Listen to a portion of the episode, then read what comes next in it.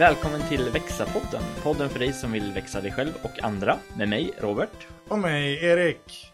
Idag har vi en gäst på besök som heter Anna Elmsjö. Välkommen Anna!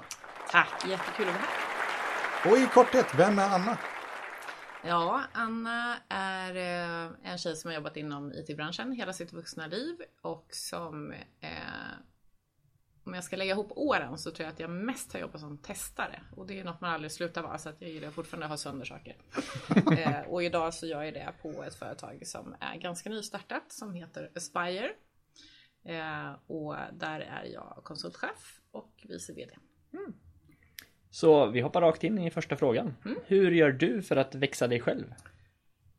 Ja, eh, man kan ju antingen titta på någon slags livslång strategi som mm. handlar om att göra saker som man är lite rädd för. Och att tvinga sig själv att tacka ja när man får möjligheter. Mm. Det var något som jag fick lära mig redan på mitt första jobb som jag försökt ta med mig. Och så kanske göra saker som man är lite lagom rädd för. Alltså mm. inte panikslagen utan som man känner att ja, men det här vet 17 om jag kommer klara eller om det kommer bli bra. Och så provar man. Mm. För eh, vad är det värsta som kan hända? Mm. Liksom. Men sen, eh, sen tror jag kanske om man tittar tillbaka de senaste åren att jag mest har gjort saker i någon slags vild panik för att jag har så här, befunnit mig plötsligt i situationer som jag måste kunna göra någonting i som jag inte gjort förut och så mm. ser man till att plocka på sig så mycket kunskap man kan och så kör man. Har du några exempel på sådana utmaningar som du liksom stått inför genom åren som sticker ut lite för dig när du tänker efter? Ja, men det är väl egentligen alltså, rollbyten mm. till exempel. Alltså, jag var ju systemutvecklare från början. Jobbade mm. framförallt med databaser eh, och gjorde det under mina första år. Liksom. Och så fick jag en möjlighet att börja jobba i ett nytt projekt som jag jätte, jättegärna ville in i, för det verkar mm. väldigt spännande. Och det enda som fast var öppet där var testare. Jag tänkte, det har jag aldrig gjort och det verkar astråkigt. åkte på intervju i det här projektet och det var alltså en och en halv A4 lista lång med vilka programvaror de använde och hej och Jag kände inte igen en tiondel ens. Men fick ändå uppdraget att komma in och ha sönder de här. Så det, det var ju kul. Eh, och det visade sig att det var jätteroligt. Så jag var kvar i det. Mm. Eh, och det är väl ett bra exempel på när man, liksom, man provar någonting som man verkligen tror det här kommer inte bli bra men det blev jättebra. Och det mm. förändrar ju hela mitt liv. Liksom. Så att, positiv förstärkning på det. Och det är väl att plocka med sig de exemplen. Liksom. Mm. Har du någon gång gett på någonting som känns för stort och läskigt och hur har du i så fall hanterat det? Ja, det har jag gjort och det är nog mer de senaste åren. För sen jag eh, lämnade konsultlivet för att istället gå in inom liksom, management och chefskap och coaching och så vidare. Det var ju en helt ny arena för mig. Även om jag har haft ledarroller innan så är det ganska stor skillnad på att liksom faktiskt vara någons chef. Mm. Eh, och ett helt annat ansvar också. Både ekonomiskt och för folks eh, välmående och, mm. och sådär. Utveckling. Eh, men jag har alltid haft bra folk omkring mig som jag har kunnat gå till. Jag har inte alls svårt för att be om hjälp. Om någonting är alltså tungt eller utmanande eller riktigt svårt så, då ber jag om hjälp. Och det mm. tycker jag så här, det ska man kunna göra. Jag har också väldigt lätt för att hjälpa andra så att mm. liksom, det hänger väl ihop kanske. Mm. Det, jag har ett stort kontrollbehov också så att jag har svårt att släppa ifrån mig saker. Och det har jag också jobbat på. Mm. Och det är lite det här med att be om hjälp är ju att tappa kontrollen lite. Mm. Och det är en ganska nyttig grej. Och det har alltid funkat väldigt bra för mig. Och med åren så kanske man säger, ja men man byter kollegor och Lisa, det kommer in nytt folk och då har man Visst, man, man tappar någon och det kan vara jobbigt men man får andra sidan möjlighet att lära sig av en ny person. Mm. Också se till att ha en coach som jag har gått till ett fåtal tillfällen bara men det har varit i situationer där jag verkligen har behövt mm. ta hjälp av någon som inte liksom är insyltad i ja, det jag sitter med och som inte mm. har någon stake i liksom vad min framgång eller så. Ja, men precis.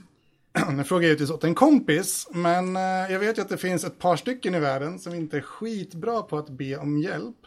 Har du, nu vet jag att du säger att det har kommit ganska naturligt för dig, men har du några tips, tankar, råd till de som har det tufft? Alltså det beror lite på vilket sätt man har det tufft och varför man inte ber om hjälp. Eh, och det kan ju vara för att man är rädd att blotta sin okunskap. Och där är det bara så här, okej, men alla har någon slags imposter syndrom. Alltså det är bara att så, bjud på dig själv så kommer du märka att andra också har saker att bjuda på. Så. Ehm, och det andra kan ju vara det här kontrollbehovet och att ibland att be om hjälp, särskilt om man är stressad, så kan det kännas som att det är jobbigare att be om hjälp än att bara fixa det själv och så får det bära eller brista. Eh, och det där är ju en ryggmärgsreflex som leder en fel väg. För ofta så det man spontant gör när man är stressad är ju inte det som kommer hålla. Så att, eh, och det är inte det som kommer bli det bästa. Och då blir man ännu mer stressad över det sen och så är man i den där fasta. Så att ta ett djupt andetag, ta ett steg tillbaka och tänk på att de flesta människor vill dig väl. Det tror jag är ett generellt fantastiskt bra tips. eh, Som jag tror många glömmer bort. I väldigt många situationer. Du nämnde coach och att du satte igång ett samarbete med en coach. Hur, hur såg det ens ut? Alltså, för någonting triggar att, att ta det steget. Ja, men jag har haft det vid två tillfällen faktiskt. Två väldigt, väldigt olika eh, coacher. Den ena var på min inrådan av min dåvarande chef som själv var coachutbildad. Eh, och hade träffat en kvinna som hon tyckte var väldigt bra under sin utbildning som då var coach. Och det här var under pandemin så att eh, vi var i olika städer men det gjorde ju ingenting för att vi kunde ses online då och så. Eh, och hon hon liksom hjälpte mig bena i vad jag ville då och vad jag tyckte var jobbigt och vi var ett lite så här, ska man säga, organisatoriskt flux. Vi hade ganska tuffa utmaningar på jobbet på olika sätt och man funderar på liksom, ja, men vart, vart vill jag i det här och vad är mina styrkor och svagheter och vad behöver jag jobba vidare på. Så. Och hon och sen pratade vi också väldigt mycket träning. Jag vet inte, det blev så. Man, man, saker som man behöver förbättra kanske. När, när jag gått på coachutbildningar så, så coachar man varandra. Och jag tror träning är, måste vara faktor tre vanligare än alla andra ämnen som folk tar upp på de här kurserna. Träning och hur gör jag för att faktiskt få det jag säger att hända? Alltså disciplinaspekten av Ja, det. och Eh, den generellt. disciplinaspekten är ju så bra för den har man ju med sig i allt man gör. Ja. För i varje jobb, det är därför man får betalt för att jobba. Det finns aspekter i arbetet som man kanske inte skulle göra spontant. För att man tycker att det är så himla kul. Utan en del behöver man bara göra liksom. Så- Och, och hänga i och göra dem kanske om och om igen. Och Så hitta någon som betalar dig för att träna, är det du säger? Eh, ja, just det. Du pratade liksom om att en senare tid har de här utmaningarna liksom Du antydde i alla fall att de varit större än du kanske hade velat eh, Att du, du inte valde riktigt att, ta den utmaningen Om jag tolkar dig rätt ja, Hur, hur hanterade du, du det? Och liksom, vad var det som fick dig att ändå anta utmaningen? Alltså det där är ganska spännande för särskilt om man själv jobbar med ganska mycket förändringsledning som man ju gör i en organisation, ofta i en ledande position, eller borde göra i alla fall. Eh, så det, det är ganska viktigt för mig att jag köper in i en förändring själv först. Eh, och jag har eh, alltid haft med mig, jag har ganska lätt att se för och nackdelar med saker och att det finns många facetter. Och, ja, så att, och någonstans så kan man ju ofta välja vilken sida man vill stå på beroende på vilka fördelar man ser som är bäst för alla eller vad det nu kan vara som i situationen som knuffar över den åt det hållet. Liksom. Eh, och när det har gått dåligt har ju varit när det har varit förändringar som jag själv inte har trott på. Eh, och ibland är ju förändring av den karaktären att folk lämnar. Det ligger utanför min kontroll och vi får helt enkelt hantera det. Eh, och därav att man kanske inte alltid väljer att man får ett större ansvar eller att man får en förändrad roll på eget sätt. Och det kan ju vara liksom så här rent både upp, upp och ner i hierarkier och det kan vara upp och ner i ansvar och, och lite så, men kanske inte som man tänkte sig. Fördel för mig är att jag har aldrig någon plan för, för mig själv. Så att jag har ju möjlighet att liksom bara, jaha, men nu kom den här utmaningen, då kan vi köra på den då. Liksom. Eh, det, nej, det här ligger inte i linje med vad jag hade tänkt mig, behöver jag aldrig tänka då. liksom. Hur, hur har det ändå, för jag menar, du, du har ju haft en, du har haft en, en rörelse i en traditionell mening framåt, karriär och de bitarna.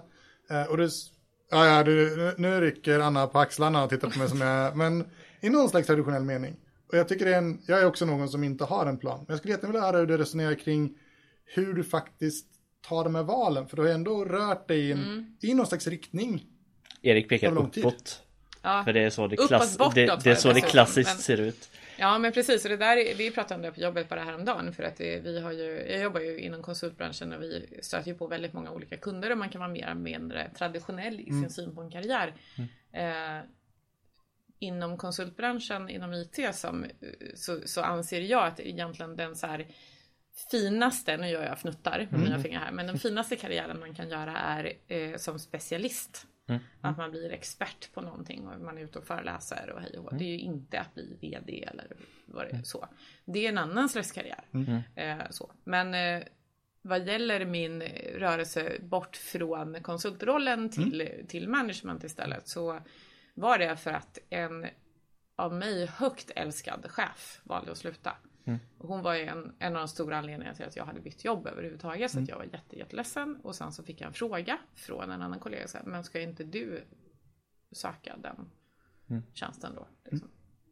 Och bara nej, verkligen inte. Och sen kom jag på, fast nu har jag gjort det jag gör rätt länge. Det vore ju kanske kul att göra någonting helt nytt. Och den där rollen har inte jag haft. Nej. Så eh, det var väldigt mycket utmaningen i att eh, få prova någonting nytt och dessutom i en miljö då där man har kunniga kollegor. Andra företag jag varit på har varit något mindre, då har man varit väldigt ensam som chef och så jag tänkte att det är ju inte det optimala att lära sig någonting nytt i och sitta själv utan att man blir jobba tillsammans med andra som redan är vassa på det här. Liksom.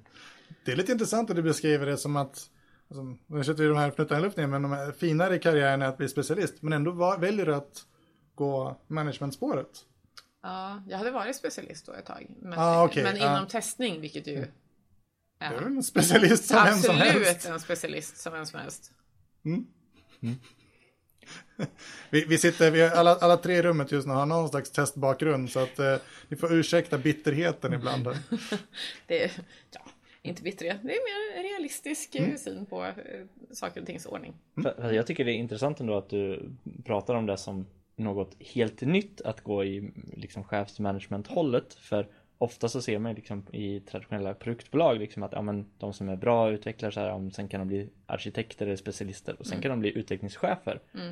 Och det du säger är egentligen att det är ju något helt annat Ja. än det de är specialister på. Hur, hur hanterade du den omställningen? Ehm, jag blev ju chef delvis för kollegor som jag hade haft innan. Eh, delvis för de som inte var kollegor. Jag blev dessutom Alltså jag började ju smått. Det, blev, det var en ganska så bra start så. Att jag blev chef för de med samma kompetens som jag hade själv. Så jag kunde vara en väldigt eh, jag, liksom, coachande chef. Man säger. Alltså i, även i yrkesrollen. Ehm, men, och jag tror att det är bra, verkligen bra, att ha koll på kompetensen och förstå liksom de utmaningar och så som de man är chef över har. Jag tror att det är minst lika viktigt att vara en bra ledare. Helst inte välja där. Men måste man välja så, så är bra ledare viktigare. Liksom. Och, och hur gjorde du för att bli en bra ledare då? Dels hade jag med mig, jag hade ju haft ledarroller innan. Eh, Jag hade också väldigt bra kollegor som hade som var otroligt bra föredömen. Vi jobbade mycket tillsammans med att sätta så här, ja, men hur gör man? Vad drivs du av? Liksom, ja men typ se, se kollegor växa. Okej, men hur får vi dem att växa? Alltså vi pratar igenom sådana saker. Hur mer genomför vi medarbetarsamtal? Hur lägger vi planer för folk? Vad ska vi ta hänsyn till? Eh, hur tjänar vi pengar? Alltså alla de här sakerna hänger ihop. Liksom. Eh, och hur rekryterar vi? Vad ska vi tänka på då? Hur gör vi när folk vill sluta? Vad, vad ska vi ta med oss av det? Jättemycket sånt bollande, vilket är otroligt kul för nu sitter jag ju mycket, mycket mer själv som chef. Eh, Jag har inga andra chefer på den ort jag är på. Och det är väldigt skönt att ha allt det här med sig från en, en period när vi var, jobbade på ett annat sätt. Då. Eh, Jag halvbackar då till, eh, du pratade väldigt tidigt här om att ta hjälp och, och nyttja, nu pratar du om att kunna växa in med kollegor. Det låter som du har haft, jag läste lite mellan, men det låter som du har haft en hel del mentorer genom åren som du har haft nytta av. Kan det stämma? Ja, jag, eh, jag har alltid försökt lära mig av de som kan mer. Jag har också alltid jobbat, och här är väl också det här med test. Jag har jobbat med test så pass länge att jag har varit med och infört testning på ett flertal arbetsplatser där man eh, och gör en förändring i arbetsmetodiken hos folk som, som ofta är, är grymt ovälkommen till att börja med. Så att jag har alltid jobbat med att försöka skaffa mig allierade och att förstå folks utmaningar och att, att försöka få dem att förstå mina. Så att det här relationsbyggandet, där har jag varit hyfsat strategisk. Liksom. Och alltid försökt att gå till dem som jag tycker verkar duktiga och kan mer och be om hjälp och, och få lära mig. Jag tänkte säga, för hur kan ett sånt mentors, alltså som mentorsrelation se ut? Har du några tankar på vad du, vad du gör liksom för att den ska... Ja, men jag tycker min chef nu är väldigt bra mentor. Han talar ju om, han är väldigt duktig på att tala om vad man gör bra. Och han är väldigt duktig på att tala om vad man borde Ja men så här, du behöver utbilda dig mer inom det här. För det är någonting du inte har med dig. Du har lärt det här nerifrån och upp. Nu behöver du tänka på det uppifrån och ner. Alltså sådana saker som är Ja, vi har långa, långa mentorsamtal på typ fem minuter. Så att, han är väldigt effektiv, men vi känner varandra bra liksom. Så att det funkar väldigt bra. Men sen har jag haft någon mentor utanför som jag gått till några enstaka gånger när det har varit någonting väldigt specifikt som jag behöver prata om med någon som har ja, men, stor erfarenhet, jobbat länge, har en annan bakgrund än vad jag har eh, och som kan komma med andra perspektiv och lite så, så här kan man också göra. För jag har bara varit chef i samma verksamhet. Även om den har varit otroligt föränderlig över åren så är det lite så här, man blir ju hemmablind liksom. Så Oh ja. att det är bra att lyfta blicken och sen försöker jag delta i lite nätverk och, sådär för att höra hur andra gör. Ja men och där är ju nätverk och sånt fantastiskt just för att hitta sin... Ja men hitta någon som man klickar med som man känner kompletterar en med det som man kanske saknar själv liksom med perspektiv eller bakgrund eller ja men ja, vad det nu kan vara. Jag tycker det var roligt, jag skrattade åt så här, ja, men fem minuter så här, ibland så är det inte mer som behövs. Eh, utan det kan, vi kan lösa problem på fem minuter så man ska inte vara rädd för liksom be om fem minuter av någons tid. Man Nej. behöver inte ta en timme. För mycket av det liksom, som man kommer på kommer man ju på ganska snabbt i ett samtal. Tänker jag. Jag håller med, jag tror många samtal görs alldeles för långa. Mhm. Då tar vi poddens andra standardfråga och det är hur gör du för att växa andra? Den där är så himla spännande. Ehm, jag ställer, jag, alltså jag är väldigt nyfiken. Jag ställer väldigt mycket frågor eh, och liksom nystar och lite jag är, brukar när jag får någon som jag blir chef över som jag inte känner så brukar jag tala om att eh, du får gärna vara tydlig med mig ifall du vill ha hjälp eller om du bara vill prata av dig. För jag tycker om att lösa problem. Så. Jag är inte exceptionellt dålig på att förstå att folk inte vad de vill. Men det kan ändå vara bra, så här, tydlighet. Ehm, men med det sagt så, så jag upplever att man kommer till mig för att man vill nysta i saker och lite komma framåt själv och kanske för att man vill någon, någonstans eller så. Eh, och jag tycker också att det är väldigt kul att se och det är också någonting som kommer med, med åren ju fler man har jobbat med. Lite man ser tecknen på okej, men den här personen skulle nog behöva gå mot en roll med lite mer ansvar. Eller den här personen behöver sitta och grotta med saker. Okej, men då ser vi till att försöka hitta den sortens uppdrag eller vad det är då.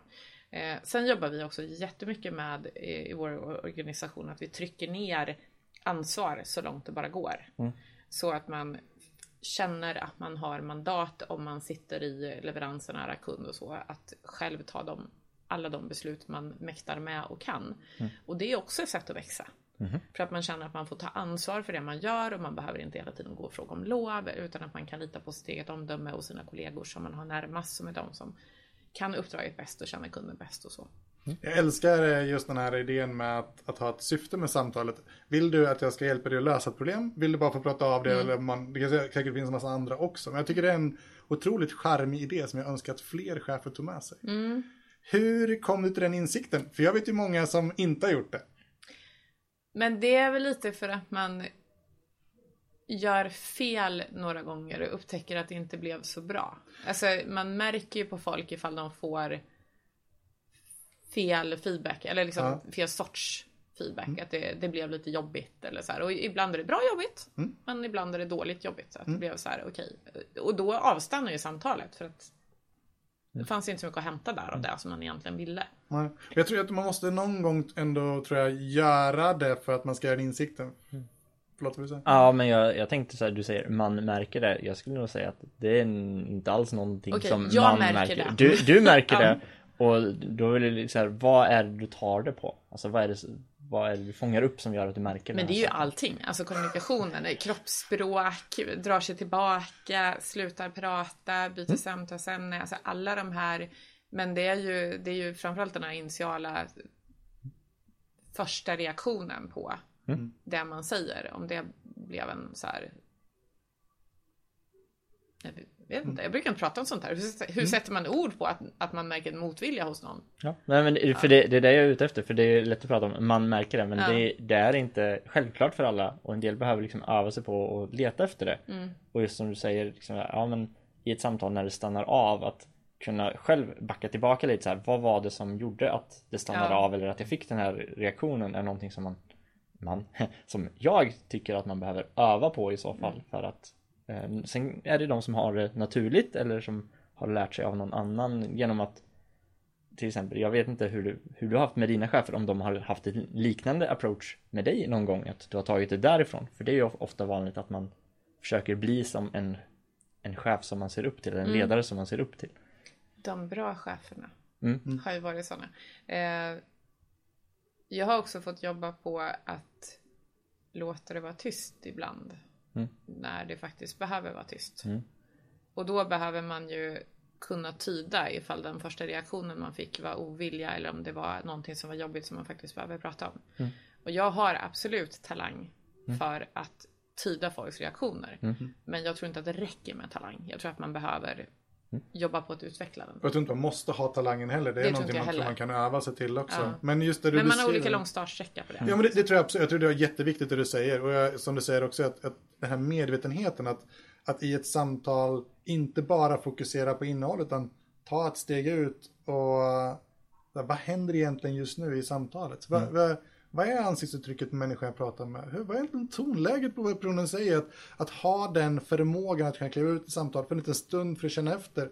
Det tror jag är någonting man behöver träna på för att sen kunna bygga på det och lära sig vad är det för saker jag egentligen lyssnar efter. Men steg ett är bara att ta sig ut samtal, för det upplever jag att många är fast i. Jag kan tycka att det svåraste sättet att växa folk är ju när man vill påverka attityden hos någon. För den, så här, den, det vet man ju själv. Det kommer både inifrån och utifrån. Det kommer absolut inte bara inifrån.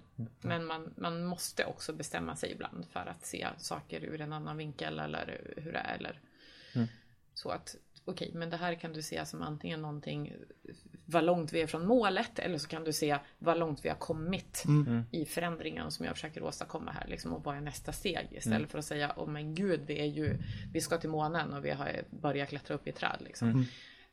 Den är ju tuff. Hur har du bemött chefskollegor som inte har liksom gjort den insikten? För det misstänker jag har hänt någon gång i din karriär.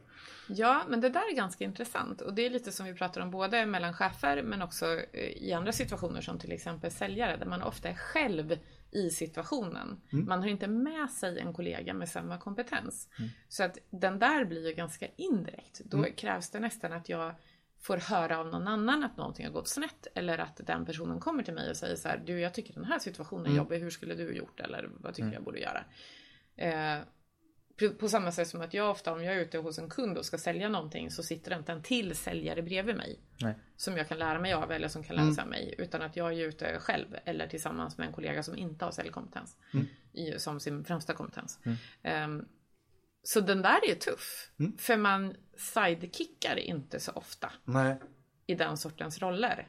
Så prata med varandra är Ja. det som är liksom viktigast då. För då vill jag ju följa upp det med en fråga. Hur skaffar du den informationen? Det blir kanske mer ledarskap än nödvändigtvis andra. Men, men just den här, hur skaffade du den, den informationen om de chefer du då leder? För de behöver du ha kunskap om för alla möjliga saker. Lönesamtal och utvecklingssamtal och hela den biten. Ja, jag är inte lönesättande Nej, chef okej. för andra chefer. Eh, men jag är ju eh, chef över folk i ledarroller i, i vår leveransorganisation, om man säger då.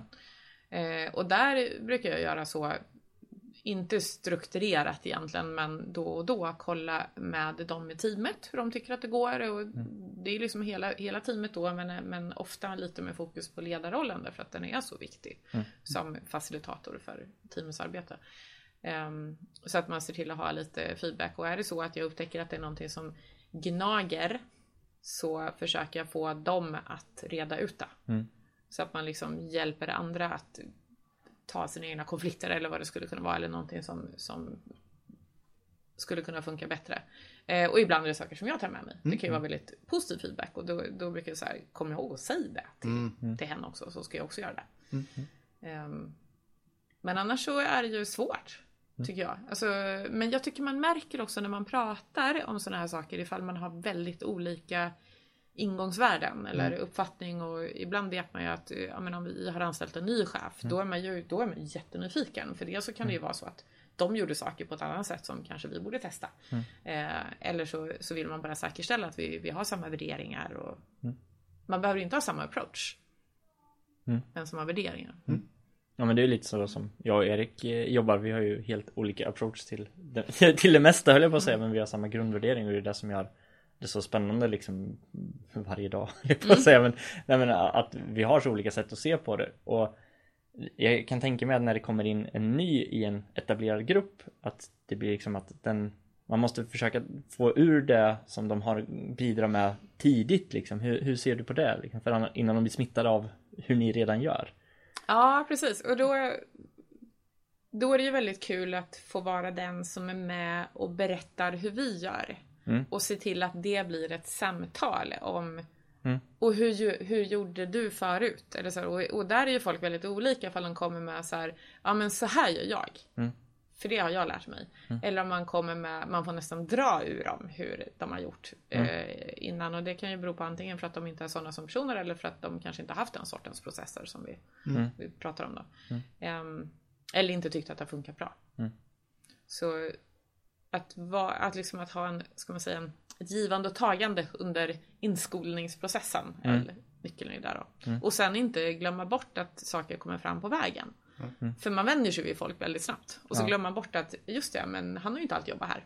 Jag kan ju fråga hur de gjorde där. Eller så. Ja, Har du någon struktur kring, struktur är farligt ord, men, men har du, har du någon, någon slags struktur kring hur du förflyttar bra idéer mellan? För jag tänker du har ett antal olika människor som sitter på bra saker. Och du beskriver att de, att hur- får du den här informationen att flöda mellan dem? För det är också ett sätt att växa andra. Det beror ju väldigt mycket på vad det är. Ja, Eh, och, och då är det ju så här om man går backar till ska säga, teknisk kompetens och den sortens. Då har vi ju strukturer i företaget. Där är framförallt kanske de som jobbar i eh, mer avancerat tekniska roller som arkitekter eller developers och så vidare. De har ett eget forum som jag är med och faciliterar ska jag säga. Ibland så försöker jag få dem att ta något slags beslut. Eh, de gör ju inte det spontant. Eh, s- så det är ju en bit där vi ser till att så här, ja, alla våra team är representerade här. De förväntas föra tillbaka kunskap. Om det är kunskap som man tycker att alla behöver ha så ser vi till att ha någon slags brown bag lunch eller någon föreläsning eh, på någon AV eller eh, konferens vi åker på som berör det här. Då. Eh, andra sätt så handlar det mer om att liksom försöka vara en av de som sprider vidare och som lyfter upp och säger att okej, men vet du det där problemet känner jag igen. Det har den här personen här borta redan stött på. Gå och prata med den. Och så lite facilitera de här vägarna inom bolaget. Vi är inte så himla stora, men vi är ju på fyra olika orter och så vidare och det är väldigt olika. Alla har ju inte förmånen att känna alla medarbetare. Och då är det viktigt att vi som är lite mer övergripande ser till att få det här klistret. Liksom. Jag tänker backa lite grann igen också. Du pratade om det här med att du är ändå ledare för ett antal ledare. Och då misstänker jag att många av de här någonstans har gjort samma resa som du har gjort och gått från att vara tekniker och sen så blir det allt mer ledarskap i deras, på deras ansvarsområden ute på uppdrag eller så. Hur vägleder du någon som gör den resan? För det är lite speciellt.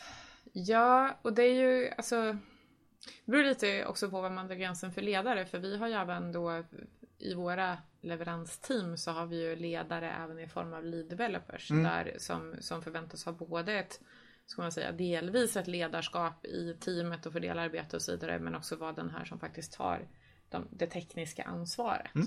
Eh, och så jag brukar jag brukar prata med dem och säga så här att du har den här rollen, vi ser på det på det här sättet och jag Förutom att här, vi har en väldigt stor och stark ödmjuk kultur hos oss. Där alla får komma till tals och att ja, man kan hamna lite i ibland i en konsensuskultur då. Som vi, man behöver lite mota från andra hållet och säga att vara tydlig med att men du har också det här ansvaret. Och allas åsikt väger inte alltid lika tungt i alla frågor. Utan ibland sitter någon på kunskap som gör att man behöver lyssna mer på den personen. Så. Ehm, sen brukar vi också prata om så här, men vilka delar av den här rollen tycker du att du behöver hjälp med eller vilka delar behöver du utveckla och jag, jag kan tänka mig med tanke på din bakgrund att du kanske inte spontant tänker att de här eh, sakerna ingår i din roll men det gör det nu. Och, men ofta så är det ju också att det handlar om vilka de har runt omkring sig. Som jag, om jag har tur, också är chef över. så att jag känner dem lite bättre. Ehm, så att man kan få det där pusslet att lira. Och då om man flyttar en pusselbit och det kommer in en annan som vi just nu håller vi på att byta ledare i ett av våra leveransteam. Ja men då kommer ju alla i teamet behöva jobba lite annorlunda. Därför att den pusselbiten ser inte exakt likadan ut. Och att man då har mogna team som klarar av att hantera det här. Samtidigt som man då ser till att försöka hjälpa den här ledaren igång och, och ropar in de som sitter på kompetenser i organisationen som den här skulle kunna lära sig av. Så att man säger okej, men vet du vad? Du borde prata med den där om det. För det var samma utmaning som den hade, eller de har kunnat det här sedan hur länge som helst. Vad skulle du säga är det vanligaste du behöver hjälpa de här tekniska ledarna med? Följa upp tidsuppskattningar. Eh, Nej men det, det är nog eh, de här 90 gritty grejerna som man måste göra i en kommersiell verksamhet som man inte tycker är så himla kul. Mm. Det är det absolut vanligaste. Och om man pratar lite mer eh, mjuka eh, ledarfrågor, vad skulle du säga är det vanligaste där? Ja men då handlar det nog dels om var går gränsen mellan det jag bestämmer och det den här andra ledaren bestämmer. Så att man eh, förstår vilket mandat man har i respektive roll och rent formellt så ligger ju allt hos mig men jag har delegerat massor med mandat då till både till teamen och, och att den här personen förstår att nu är du ledare i det här teamet och då har du ett ansvar som ser ut så här. Eh, och det är ju otroligt olika hur mycket ansvar man tar och hur man ser på sin roll, lite vad man har för bakgrund och så. Eh, men det är väldigt vanligt att man får prata om både inledningsvis och om det kör ihop sig. Och just det här att, och är det så att det skiter sig med den här kunden, då ringer du mig.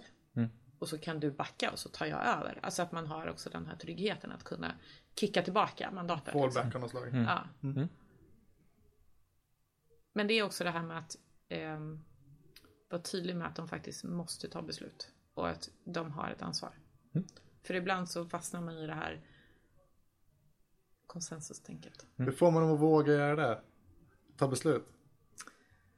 Frågar återigen till en kompis. Alltså, nej men ska jag vara krass så är det väl lite att förklara konsekvenserna som händer om man inte tar beslut. Ja. För det blir sällan bra för någon. Nej. För jag, jag, det är roligt att du säger det för jag tror inte att många tänkt på det men att inte ta ett beslut Ja. är också att ta ett beslut. Väldigt mycket så. Icke-besluten är också beslut. Ja, det, är nog, det är nog en av de stora insikterna. Nej, men för det, för det är någonting jag ser i organisationer överallt. Det här rädslan för att ta beslut och självförtroendet kring det. Så att den, det kan jag tänka mig en utmaning för er, eller har varit en utmaning Det var faktiskt en situation precis när jag var ny chef Ja. eh, i, med en eh, konflikt som berörde en konsult där jag kom ju direkt ifrån konsultledet då och sa att man var så mån i chefsgruppen då om att inte bete sig fel gentemot den här konsulten och gentemot ens team och så vidare. Och jag sa att ja, men tänk på att det finns en enorm fallout på att inte göra någonting. Utan att låta det fortgå eller att vara lite för soft eller snäll i det här nu. Därför att det här beteendet är inte okej och det drabbar andra. Och det här ser vi och då får vi ingen respekt för ledningen. Liksom. Och så, Jo, de första som försvinner i det här läget är ju de som man absolut inte vill ska försvinna. Nej. De som bryr sig mest, för de känner inte att det längre är en rättvis miljö. Precis. Då tar vi och avslutar med dina två bästa tips för att växa sig själv. Eh, Eh, de här fick jag själv på mitt första jobb faktiskt. Från eh, min, eh, ja, han som anställde mig och som var lite mentor för mig kan man säga då. Eh, det, vid olika tillfällen, han sa säkert massor med andra bra saker. Men de, de här, det var det som fastnade hos mig och som jag lite har levt efter sedan dess. Och det ena är det som jag redan pratat om, men gör saker du är rädd för. Eh, och det, det var så himla specifikt för att jag fick möjlighet att hålla en kurs i SQL och jag tackade nej. Eh, och det här fick han höra och så kom han till mig och sa Vad gör du? Det här är en jättechans. det är klart att du ska lära ut det här och jag bara Men jag kan ju inte. Han bara Men det är en nybörjarkurs, skärp dig. Så, och sen så, så gjorde jag det och var ju kräkrädd liksom. Men det gick ju bra. Så, och så körde jag på. Och, så det där är en sån här Det var så konkret exempel liksom. Ehm, och det andra var Lär alltid ut allt du kan. Ah. Därför att annars får du sitta och göra de sakerna. Så att det är så här, både lära ut allt du kan för att det gagnar andra, men det också gagnar en själv som kanske på sätt som man inte förstår. Eh, jag skulle väl också säga att det här kan, det hör väl till saken att det här var på en myndighet där eh, många hade jobbat med samma saker rätt länge i en del roller och att man kan efter ett tag så kan man bli rädd för att lära ut saker man kan för att man blir ersättlig. Och hans motto var mer se till att vara det för annars så blir du kvar i samma lilla håla. Liksom. Oh ja. Så, så att eh, de två, gör saker du är rädd för och lär ut allt du kan. Häftigt! Och då avslutningsvis, hur kommer man i kontakt med Anna om man vill veta mer om dig? Man kan komma i kontakt med mig på massa olika sätt. Jag finns på LinkedIn. Anna Elmsjö, den enda som heter så där, så vitt jag vet. Eh, och jag jobbar på Aspire, så det går jättebra att mejla mig på anna.elmsjo.aspire.se. Coolt! Jättestort tack Anna! Jättekul att vara här, tack!